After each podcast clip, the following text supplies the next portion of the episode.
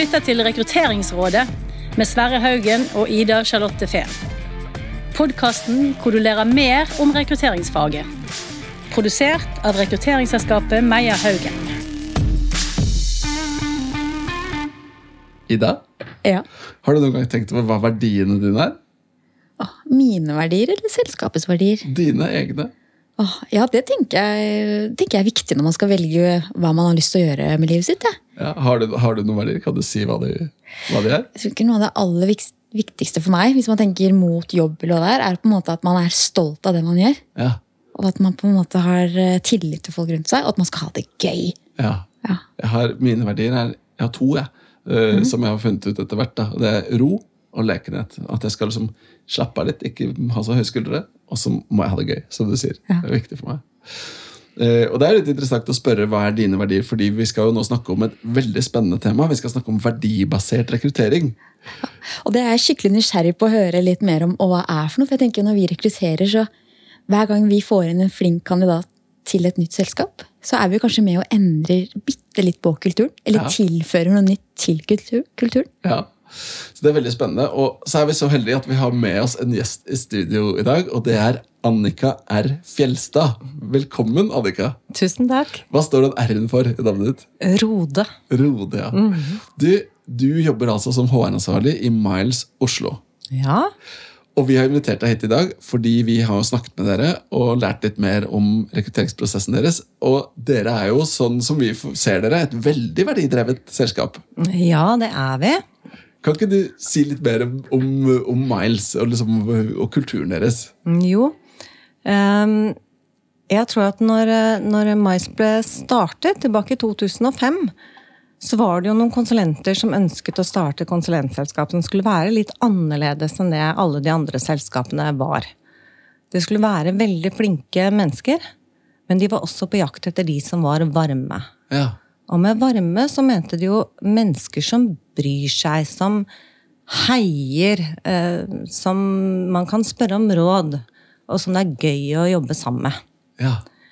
Ehm, og så fikk de med seg Tom Georg, som var konserntjener, eh, eller eh, daglig tjener på den tiden i, i Bergen, og så startet disse fire eh, Miles i Bergen. ja. Og så må jeg jo spørre, stille et sånn, skyte i den spørsmålet, for da sier du konserntjener. Og jeg vet at din tittel kunne jo også liksom vært, hvert fall hvis du, sånn i tråd med Miles, HR-tjener. Er- Ja. Hvor kommer dette ordet tjener fra istedenfor leder? Nei, det eh, Tjener kommer fra at vi eh, ble forsket på. Um, og da kom de fram til at det vi var nærmest, det var servant leadership. Ja. Og det var vel i 2012. Og da byttet alle daglige ledere sine titler til daglige tjenere. ja. Så det er et sånt statement. Ja, det er jo det. Eh, og for meg så var det faktisk veldig viktig når jeg begynte i Miles, for jeg tenkte liksom å jobbe i et sånt selskap der folkene faktisk kommer først. Ja. Ikke, sant? ikke bare at man sier det på papiret, men det betyr faktisk noe. At vi som jobber inne og er i administrasjon, vi er jo der for å, for å sørge for at de ansatte trives og vokser på sine premisser. Det syns jeg var vakkert. Å faktisk jobbe med folk som har lyst. ja. De har lyst til å utvikle seg, de har lyst til å få hjelp. Det er jo mye morsommere enn å tre masse prosesser nedover hodet på folk.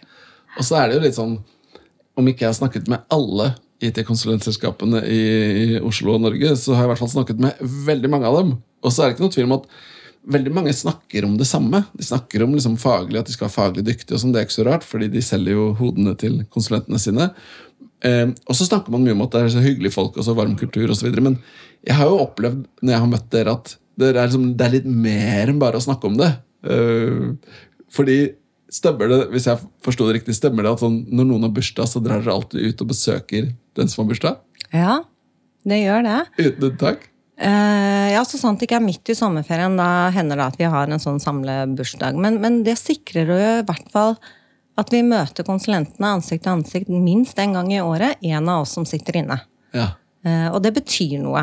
Uh, og så tar det litt tid innimellom, men det er jo utrolig hyggelig.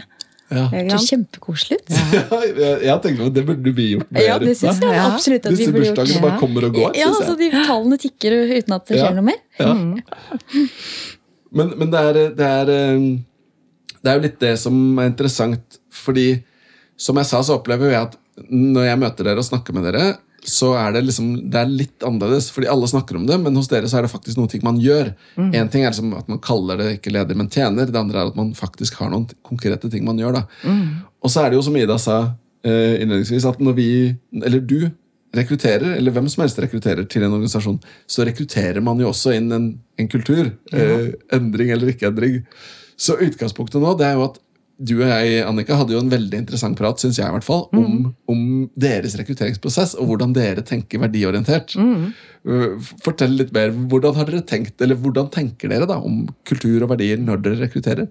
Eh, Altså For oss så er det jo viktig at vi kan opprettholde den tilliten som er der hele veien. Vi ønsker å ha en organisasjon som har så lite byråkrati som mulig.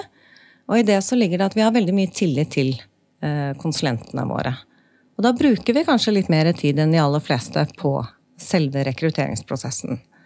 Og så er også min erfaring at mange kommer inn, de har kanskje en det som jeg kaller for en vekk fra-motivasjon. Altså, De har bestemt seg for å slutte der de er, men de har ikke nødvendigvis bestemt seg for hvor de skal begynne. Ja. Mm. Så da tenker jeg da er det vår jobb i løpet av den prosessen og, og for den kandidaten å gjøre han eller hun trygg på at de virkelig har lyst til å begynne i Miles når vi er igjennom. ja. Og da starter det gjerne med at vi har et eh, screeningintervju eh, for å se er det noe match her i det hele tatt. Og så er det dette verdiintervjuet som, eh, som du kanskje har lagt spesielt merke til. Hvor vi rett og slett bruker en halvannen-to timer på å snakke om kandidaten. Ja. Og jeg som ikke-teknolog, jeg går jo ikke i dybden på det faglige og teknologiske, men jeg er opptatt av hva er det kandidaten ønsker seg. Hva er det han eller hun trenger i sine omgivelser? Hvilke verdier er det han eller hun eh, har? Um, og så forteller jeg litt om eh, Miles og det som er våre verdier og vår visjon om å utvikle en fremragende arbeidsplass, og hvilken drivkraft de selv må ha til å ønske å bidra til det. Uh, slik at vi er trygge på at vi kan opprettholde den kulturen som vi har.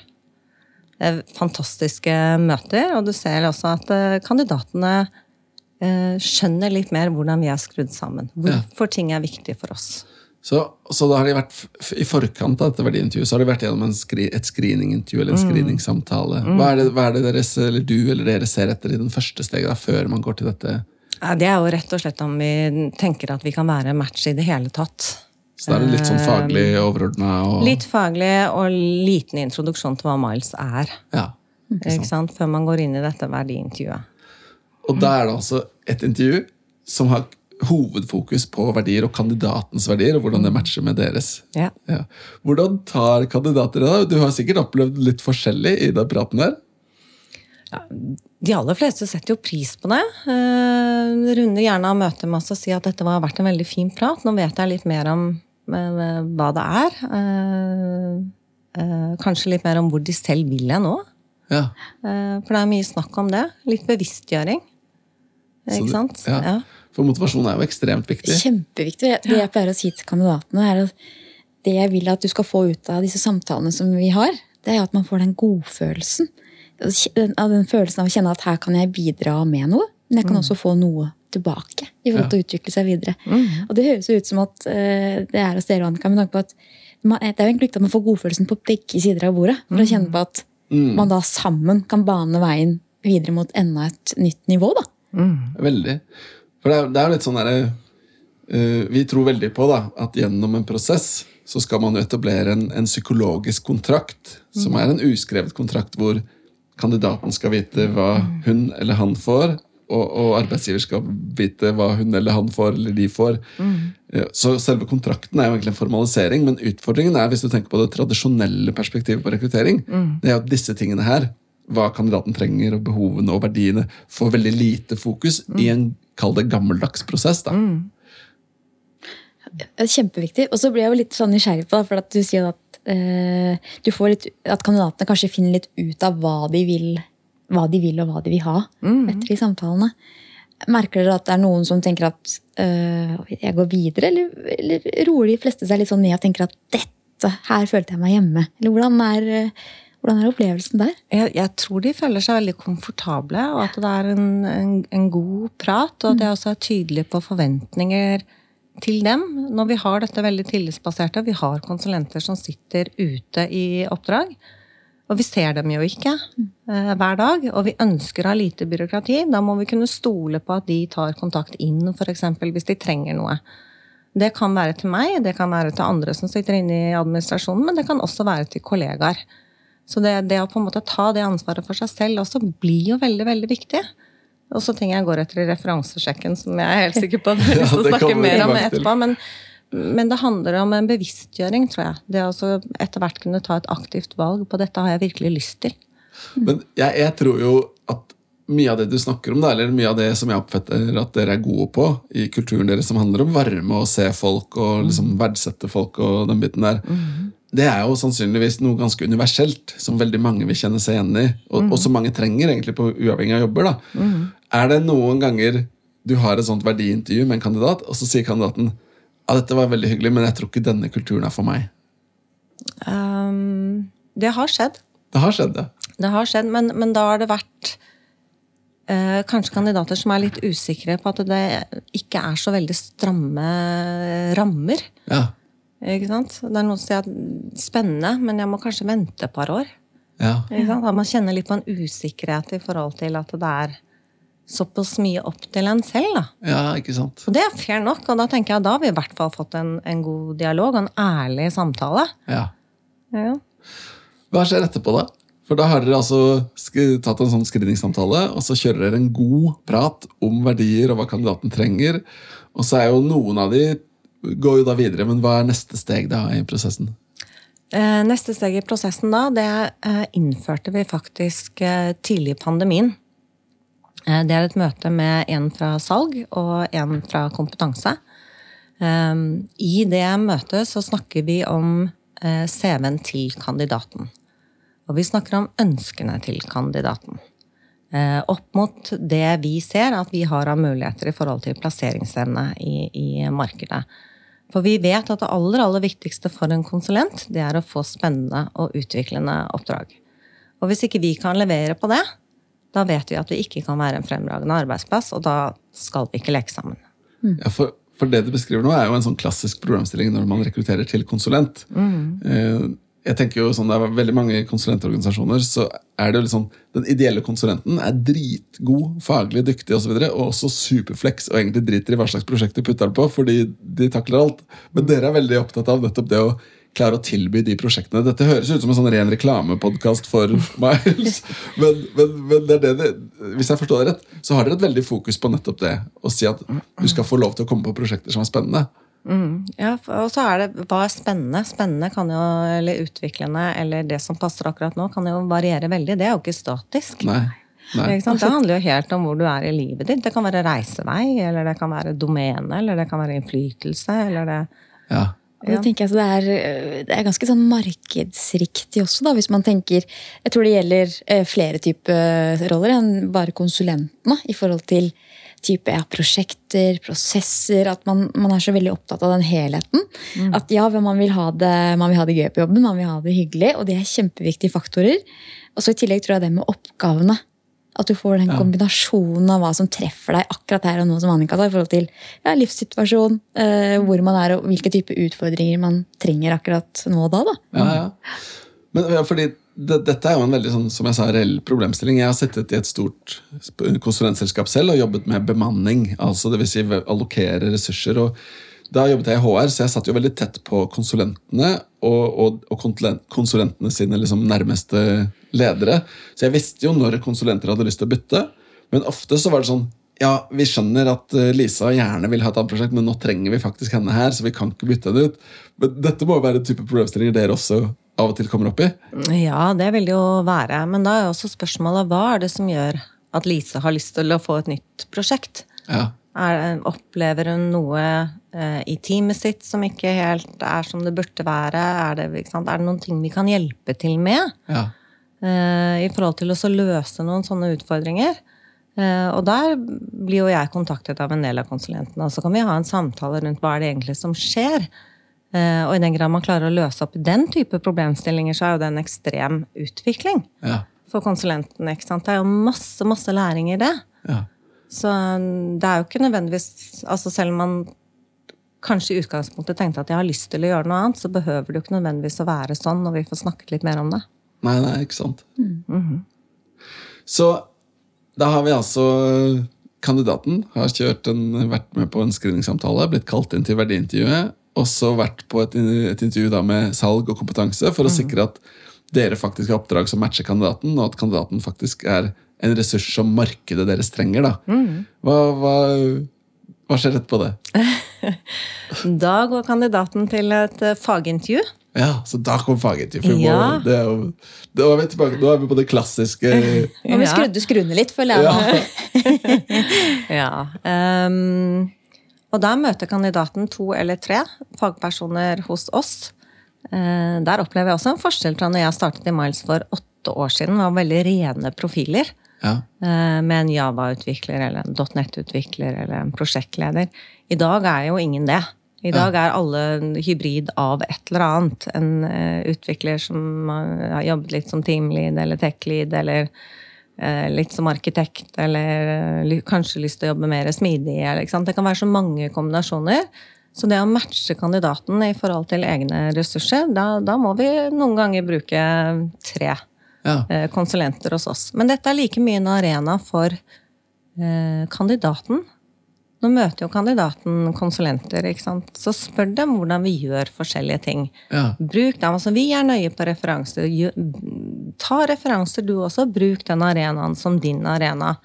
For å bli litt klokere på hvordan gjør dere faglig utvikling, hvordan er det sosiale i Miles, hvordan limer dere denne organisasjonen sammen. Ja, så dette, dette er ikke bare at dere ved å sitte tre fageksperter sammen med personen i rommet får vurdert om kandidaten er god nok, men det er også et mål å la kandidaten få liksom bli kjent med noen som jobber med det samme. Ja, ja. Ja. Da blir jeg ganske nysgjerrig, vet du, for dette. det tror jeg jo er utrolig viktig. Og så er det noen kandidater som kommer og sier at det var etter det møtet at jeg skjønte at dette kan være det riktige sted for meg, når de virkelig får drillet ned i faget og mulighetene som er hos dere. Ja, der også, holdt jeg på å si. Eller mm, de aller fleste blir jo motivert til å gå videre derfra. Eh, de har jo hørt om disse dyktige konsulentene våre og treffer dem og opplever at det er gode samtaler. Både i spiss og bredde, egentlig.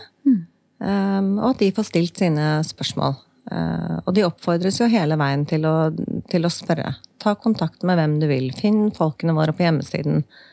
Pek på en du har lyst til å snakke med, eller kjenner du noen som kjenner noen i Miles? Og Ja, så den, der, den der omvendte referansesjekken da, som du sier nå, den går utover de du møter i det intervjuet. ja, kan, de kan spørre hvem de vil. Har tilgang på hvem de vil. Ja, Så kult, for det er jo jeg kjent blitt når vi jobber med IT-rekruttering, f.eks. At uh, disse kandidatene kan synes at selskapet er spennende, og kulturen og alt virker bra. Eh, men så er det jo så kommer til det viktigste av alt, hvis du er litt kan vi si, kan vi si litt sånn IT-nerd. Det er jo faktisk hva de får lov til å jobbe med. Hva de får lov til å bli litt skitne på fingra med, f.eks. Ja. Og, når jeg, og da opplever jeg at når de har fått kjennskap til akkurat det du sier her, at det kanskje er det den der siste piken da, som gjør Ja. at de blir med på reisen. Men en praktisk betydning av dette, da, eller et spørsmål til deg, det betyr jo da, hvis jeg forstår deg rett, at du bruker egentlig hele selskapet, alle ansatte, som potensielle rekrutterere. Ja. Ja, ja. Er det noe dere forventningsstyrer til kandidater når de begynner? At når du begynner her, så kan det godt hende at du må kjøre intervjuer, fordi da er du en del av teamet som velger ut. Ja, for de som har lyst til å være med disse faglige rundene, definitivt. Ja. Eh, Så, så gjør vi det. Og hva gjør dere da? Hvis, la oss si at det kommer en kandidat, da, og så er det i den faglige runden så er det to som sier tommel opp, en som sier tommel ned. Ja, da må jo de ha en diskusjon seg imellom eh, og bli enige om eh, hvorfor det er sånn som det er. Hvis de ender på en eh, eh, tommel opp for to, kanskje litt sideveis for den, eh, for den tredje, så kan det hende at de ber meg om å grave litt ekstra i referansene i forhold til én ting. Ja, Ja, vi går videre, forutsatt at vi liksom kanskje finner enda bedre ut av dette. ja nettopp. Eh, For kanskje kommer vi ikke dypt nok, eller kanskje kommer vi ikke bredt nok. Ja. Men da legger de ofte skylden på seg selv, og ikke på kandidaten. Ja, er det ikke sant? Mm. også, iblant så kan det være at kandidater eh, som egentlig ikke er eh, på utkikk, eller som er litt redde for at noen skal se at det er på intervjuets sted, eh, som det er i forhold til det konfidensielle, hvordan jobber dere med det da i kulturen hvor det ofte da er jo en del eh, interne hos dere med i en type prosess i forhold til det og hva man skal passe på å dele av informasjon i forhold til å ta vare på kandidatene sin mm. sikkerhet rundt det å være i en prosess? da? Ja, men husk at alle som eh, er med i disse prosessene, har jo selv vært i prosess med Miles. Så mm, det er jo åpenbart at det blir holdt veldig konfidensielt. Eh, Og på så trygg grunn som overhodet mulig for kandidaten, selvfølgelig. Mm. For dette er en prosess dere har kjørt over tid. Ja, ja, ja. Lenge, eller? Ja, Ja. siden starten. Never change a winning combination. Nei, som sagt, dette saksintervjuet det tok jeg inn under pandemien. Litt fordi at jeg opplevde at eh, eh, kandidatene var usikre på om de turte å hoppe. Markedet var litt usikkert. Eh, lurte på om hvis de byttet selskap, om de kom inn for å bli sittende mellom oppdrag. Klart De som jobbet på, på salget i Miles, var veldig opptatt av å få inn kandidater som Eller nye konsulenter som de var sikre på kunne komme ute i eh, oppdrag. Eh, for Hvis ikke så kunne jo de bli stående i en skvis med hvem skal vi prioritere i forhold til nye eh, oppdrag. Um, så jeg fant ut at vet du hva, her er det lettere å sette de partene sammen, så de kan snakke sammen. Ja. Eh, og så var planen å ta det ut igjen, for vi har jo mange nok uh, intervjuer, egentlig. Ikke sant? Nå er det, det er jo fem runder. Ja. Det var fire runder da, og allerede det er jo ganske mye. Eh, Men tilbakemeldingen er at eh, det er ønskelig både fra salg og kompetanse og fra kandidatene å fortsette å ha det. For det blir veldig nært når det gjelder min CV, mine muligheter Ja, ja. og Miles sine kunder. eh, Om, om de mulighetene vi kan tilby. Ja, men jeg, jeg tror det er veldig verdifullt og nyttig. Jeg kan Ja, ja. tenke meg det. Jeg har jo vært konsulent selv, og jeg husker jeg søkte jobb i et konsulentselskap da jeg gikk ut fra Accenture. Og da var jeg, kom jeg liksom til finaleintervjuet, men endte opp med ikke å få jobb. da. Og, og da var det nok litt fordi de ikke helt så hvor kan vi putte Sverre. da. Eh, og så skjønte ikke jeg helt det da, men sånn i etterpåklokskapens lys, når jeg har blitt litt eldre og visere, uh, uten at jeg skal påstå at jeg er verken gammel eller vis, så, så, så skjønte jeg jo etterpå liksom, Det var jo en helt riktig avgjørelse. Og en sånn prat vil jo avklare disse tingene og, og hjelpe til. da. Ja, så tenker jeg at det er jo en, en veldig ok tilbakemelding å gi. Altså, Vi tror ikke at vi klarer å, å få så mye ut av din kompetanse som du fortjener. Mm, mm, Ikke sant? Så vi tror at du vil ha bedre muligheter et annet sted. ja. Ikke sant? Igjen tilbake igjen til dette med fremragende arbeidsplass. Handler jo også om oppdragene som konsulentene kan få. Og så er jo ikke konsulentene våre helt sånn prinsessen på erten heller. Man må jo være litt pragmatisk, men, men det handler om å finne de gode matchene. Og da gjør jo eh, våre kommersielle tjenere, tilbake til tjenertittelen, ja. eh, en veldig god jobb. Og noen av konsulentene kaller til og med våre selgere for drømmefangere. Det er vakkert. Drømmefangere, Ja, ja. Det er morsomt. Det er jo kult. Men jeg tror også det at når man har den ærligheten og bygger de relasjonene i den prosessen, da, så selv om man kanskje ikke skulle være rett, da, eh, så får man kanskje den gode kommunikasjonen man trenger for å akseptere det. Og så tror jeg man også da vil, vil kunne være en god ambassadør ut i markedet hvis man har en relasjon man tenker å ja, men, men han Geir han passer inn. Ja. Kanskje jeg burde si det til han, for det var en veldig god prosess. Ja, Men jeg ja. skjønte at jeg ikke passet for det pga. f.eks. X- og Y-prosjekter. Ja. Nå nevnte du i stad eh, Du sa fem intervjuer. Nå skal vi telle opp. ikke sant? Screeningintervju, verdiintervju, og så sa du møte eller intervju med salg og kompetanse. Eh, og fagintervju. Da er vi på fire. Er det et nytt intervju nå, eller kommer referansesjekken først? Nå kommer referansesjekken. Det er jo ikke et intervju. Det siste møtet det er jo tilbudsmøtet. Ja. Da kommer vi tilbake til tilbudsmøtet. Men la oss først snakke om referansesjekker. fordi der måtte jeg spørre deg både to og tre ganger om jeg hørte feil. Hvor mange referanser sjekker dere på hver kandidat? Ti. Ida, hva tenker du om det? Ti referanser? Har du noen gang sjekka det? Det har jeg aldri sjekka. Eh, Det må jeg ærlig innrømme. ikke heller. Men eh, ja, det er imponerende. Men, Ja. men hvor, Fortell litt mer om det. nå ble jeg nysgjerrig. Ja, Ja, det ble jeg også når jeg ble ansatt i Miles. Jeg syns også beskjed- ti var mange. ja, for da, da var du kandidat, og da sa de du vil gjerne snakke med ti referanser. Ja. Ja. Mm, og det gjør vi på alle.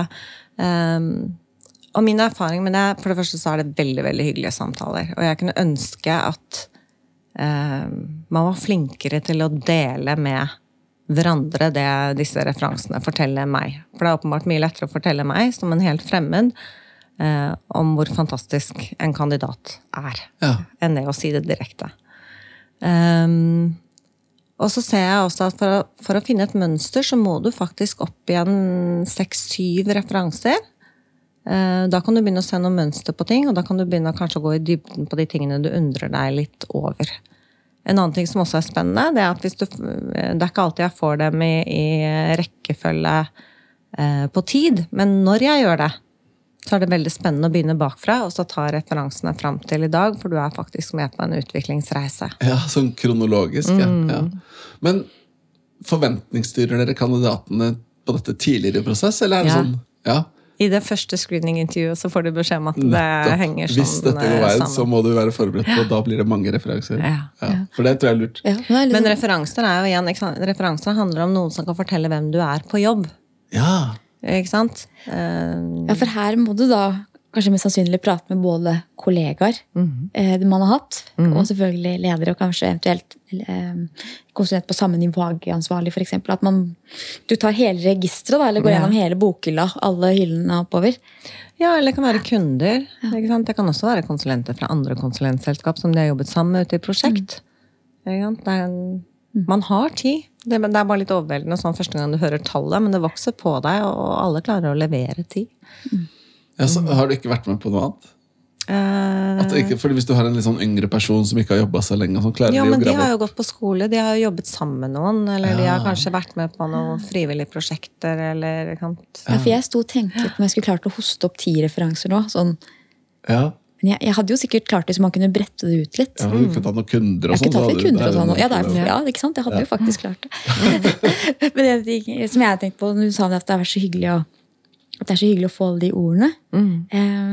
Jeg pleier jo å ringe kandidaten etter jeg har tatt referansene. Ja, Og jeg har hatt på telefonen, og så fortelle de hvis det er så hyggelig å dele det. ja, det er smart. Ja, så liksom, nå, Dette har gått så fint, og så mange, og så snakker vi litt igjennom hva jeg har fått høre. Ja. Og da tror jeg de får litt sånn boost. Ja, det er en god Den idé. Det er en ja. god idé. Jeg gjør også det i tilbudsmøtet. Gir en oppsummering av hva det er eh, referansene har eh, fortalt meg. Det er veldig, veldig godt tips. Kanskje vi burde ha det som standard i prosessene våre. i dag. Ja, kanskje vi burde det, men pass på, tror jeg.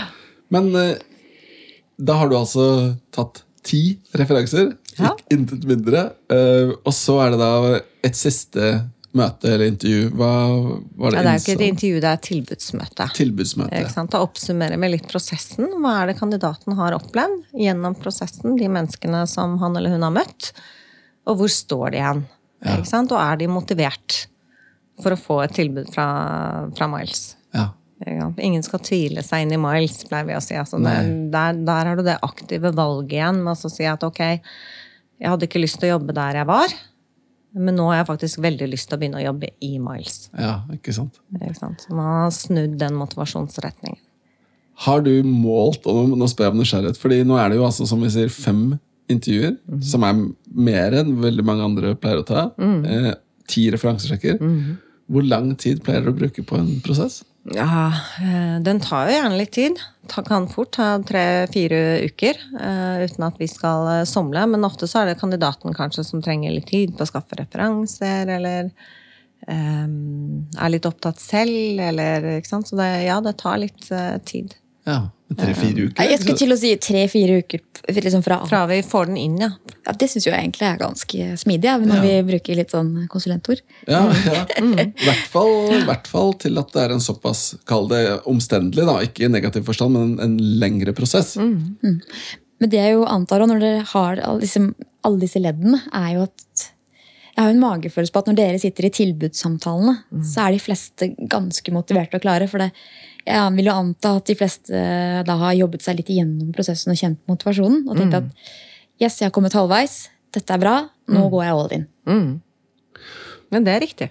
Ja, Det er det på den psykologiske kontrakten. ikke sant? Men Ja. det tror jeg handler mye om at dere har en prosess som er veldig kandidatorientert fra start. da. Ja. Og det hjelper jo til med at du, du De som det ikke er rett for, vil jo liksom falle fra tidligere, da, vil jeg tro.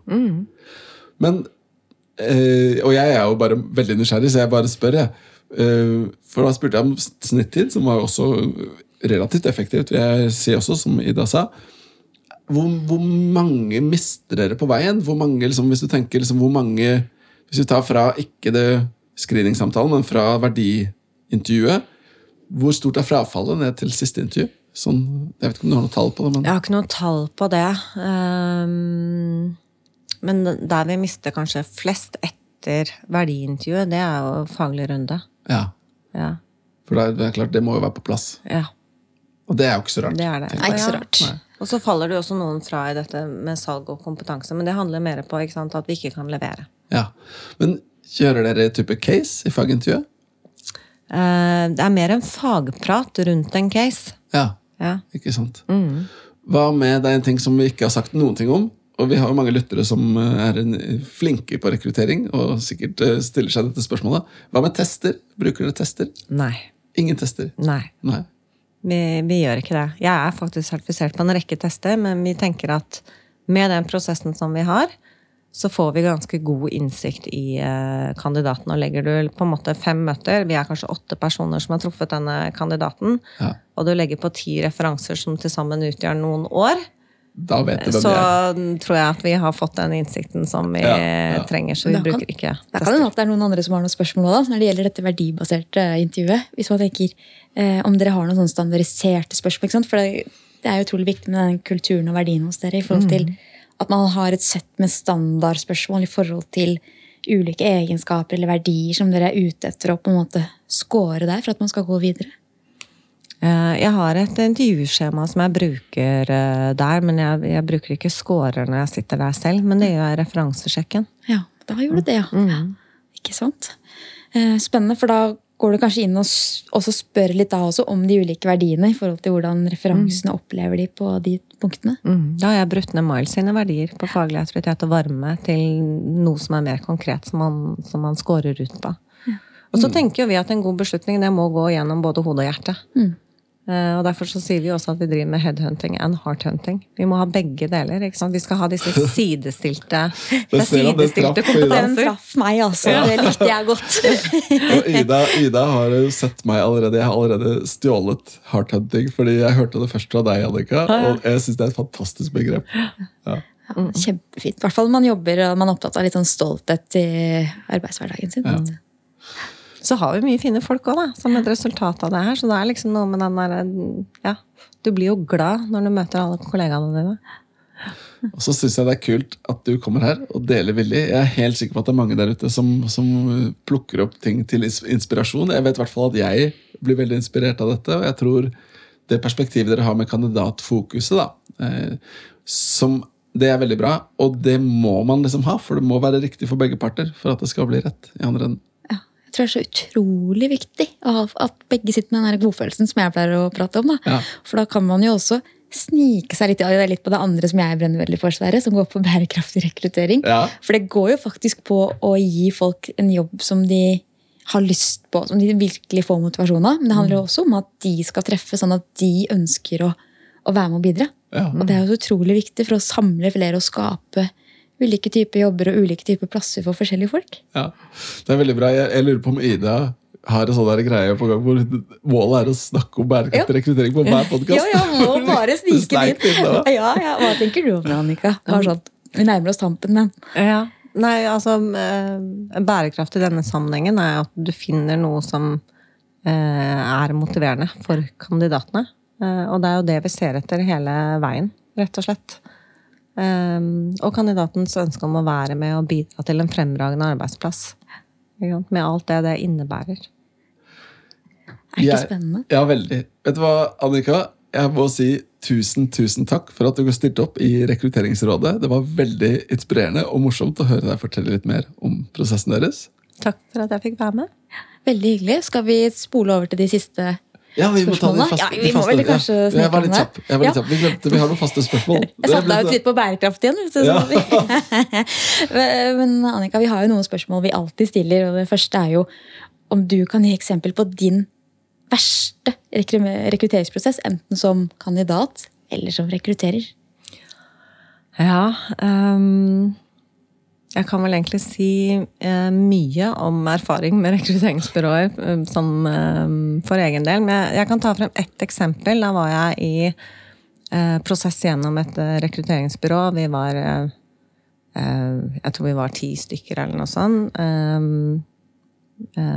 Om denne jobben. Og etter førstegangsintervjuet så fikk jeg en tilbakemelding om at nå var det tre stykker igjen. Og jeg var vel en som lå bakerst, så jeg måtte skjerpe meg hvis jeg ville være med i kampen videre.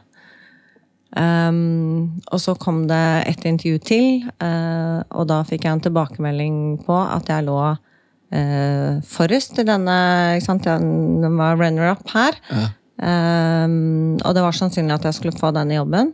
Og så kom det siste intervjuet.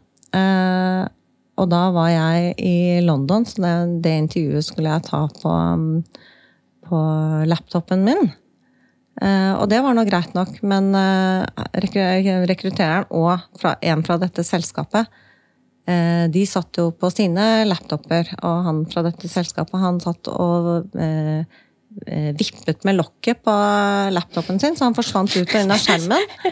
Det er vel kanskje den verste opplevelsen jeg har hatt noensinne. Og tilbakemeldinger etterpå fra rekruttereren var at nei, det ble dessverre ikke meg, for jeg hadde snakket så stakkato.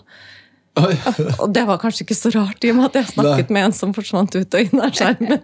Så det er kanskje en Ja. det verste. Er det et eksempel på en dårlig kandidatopplevelse? Ja, det Huske på det. huske på. Være bevisst på på neste Ja, team. for det er, jo mer, det er jo mer digitale intervjuer nå. Så. Absolutt, uten tvil. Uh, og så er jo eh, det siste spørsmålet vi har, det er jo om du har noe forslag på hva vi burde snakke om i Rekrutteringsrådet en, gang, en senere gang. Ja, nå brenner jo jeg veldig for dette her med referanser, da. Eh, og det verste jeg kommer borti, faktisk, eh, ikke til forkleinelse for rekrutteringsbyråer, men det handler jo om å sette ut referansesamtaler til rekrutteringsbyrået. Ja, Det skjønner jeg ikke noe av. Nei, Det er en veldig spennende tematikk. Veldig spennende. For, fordi vi gjør jo det på vegne av de aller aller, aller fleste kundene våre. Og, og det er egentlig en kjempespennende tematikk å dekke litt nærmere. Absolutt. Både fra et overordna perspektiv, beste praksis, hva skal til for å lykkes, men også i, som vår rolle, da, hvis vi nå skal gjøre det på vegne av kunder, hva må vi gjøre for at det faktisk gir verdi da, for, for oppdragsgiver? Men, men jeg tenker at den innsikten som jeg får fra disse referanseskjemaene, et av spørsmålene som jeg stiller referansene, det er hva er det du tror denne kandidaten trenger fra sin leder for å lykkes? Ja? Hvilke tips har du? ja, Ikke sant? Og det for meg å kunne sitte og se på det etterpå, ja. Eh, og ta hensyn til det i forhold til en, en ansatt, det er jo superviktig. Mister man noe hvis man legger det ut til andre, eller? Ja, Det kan man fort gjøre. ikke sant? Nå, nå er det, Vi spør også om det, nettopp fordi vi mener det er viktig informasjon. Da, men det blir noe helt annet selvfølgelig om, om, man får det, om lederen får det rett selv, da, eller selskapet som ansetter. Kan det være forskjell på hvis man får det rett inn i sitt eget system, at det ligger der, kontra at vi f.eks. overfører informasjon, sånn at man faktisk da må gjøre en action til Ja. etterpå. For det, det hender jo at disse referansesjekkene er liksom, man har nesten bestemt seg, og så blir det bare sånn derre prosess man må gjøre fordi man skal være compliant med retningslinjene. Og da gir det jo ikke noe verdi. Syns ikke du også at dette er en veldig fin kandidat? Ja. Den type spørsmål. Ja, jeg har også vært referanse. Ja. Ja. ja, men Det tror jeg vi må følge opp på, Ida, og ta en episode om det. Tror absolutt. Og så kan vi jo nå vi kan jo eh, titulere deg som dronningen av referansesjekker. Ja. Både gjennom erfaring og, og andre ting. Eh, Da prøver jeg meg igjen det er å si igjen tusen takk, eh, Annika, for at du stilte opp. Eh, Ida, har du Nå har vi jo, du, du gikk jo litt sånn, du har jo ikke snakket med Miles eh, eller Annika før. Hva er dine hovedtakeaways fra den praten her? Åh, em, det jeg tenker er at man opplever meg som veldig verdidrevet, og det har jeg jo skjønt. Og at det krever en prosess for å virkelig bli kjent med kandidatene. Eh, før man kanskje dypdykker i fagkompetansen. da. At man faktisk er litt bevisst på å holde prosessen. Akkurat som man er bevisst på å ta vare på verdiene i selskapet. For det er jo mange som ønsker å si at man har disse verdi verdisettet, men som kanskje sliter med å leve gjennom de. da. Ja, ja. Og da trenger du kanskje en sånn prosess. Ja. Jeg, tror det, jeg tror det er helt riktig. Jeg tror liksom Prosessen sånn som den framstår opp mot hvordan vi vet de er verdidrevet, så er den liksom, den er skreddersydd til å møte det. min, jeg tror kanskje min hovedtakeaway er litt sånn Én ting er jo nettopp det å kjøre mange referansesjekker. Det er veldig interessant. Eh, Det er et annet perspektiv på referansesjekker som jeg ikke har sett andre ha før. Og så, er jeg- så syns jeg det er veldig kult at det faktisk tar ikke lengre tid enn tre-fire uker å kjøre en sånn type prosess. Det er veldig, veldig interessant. Veldig.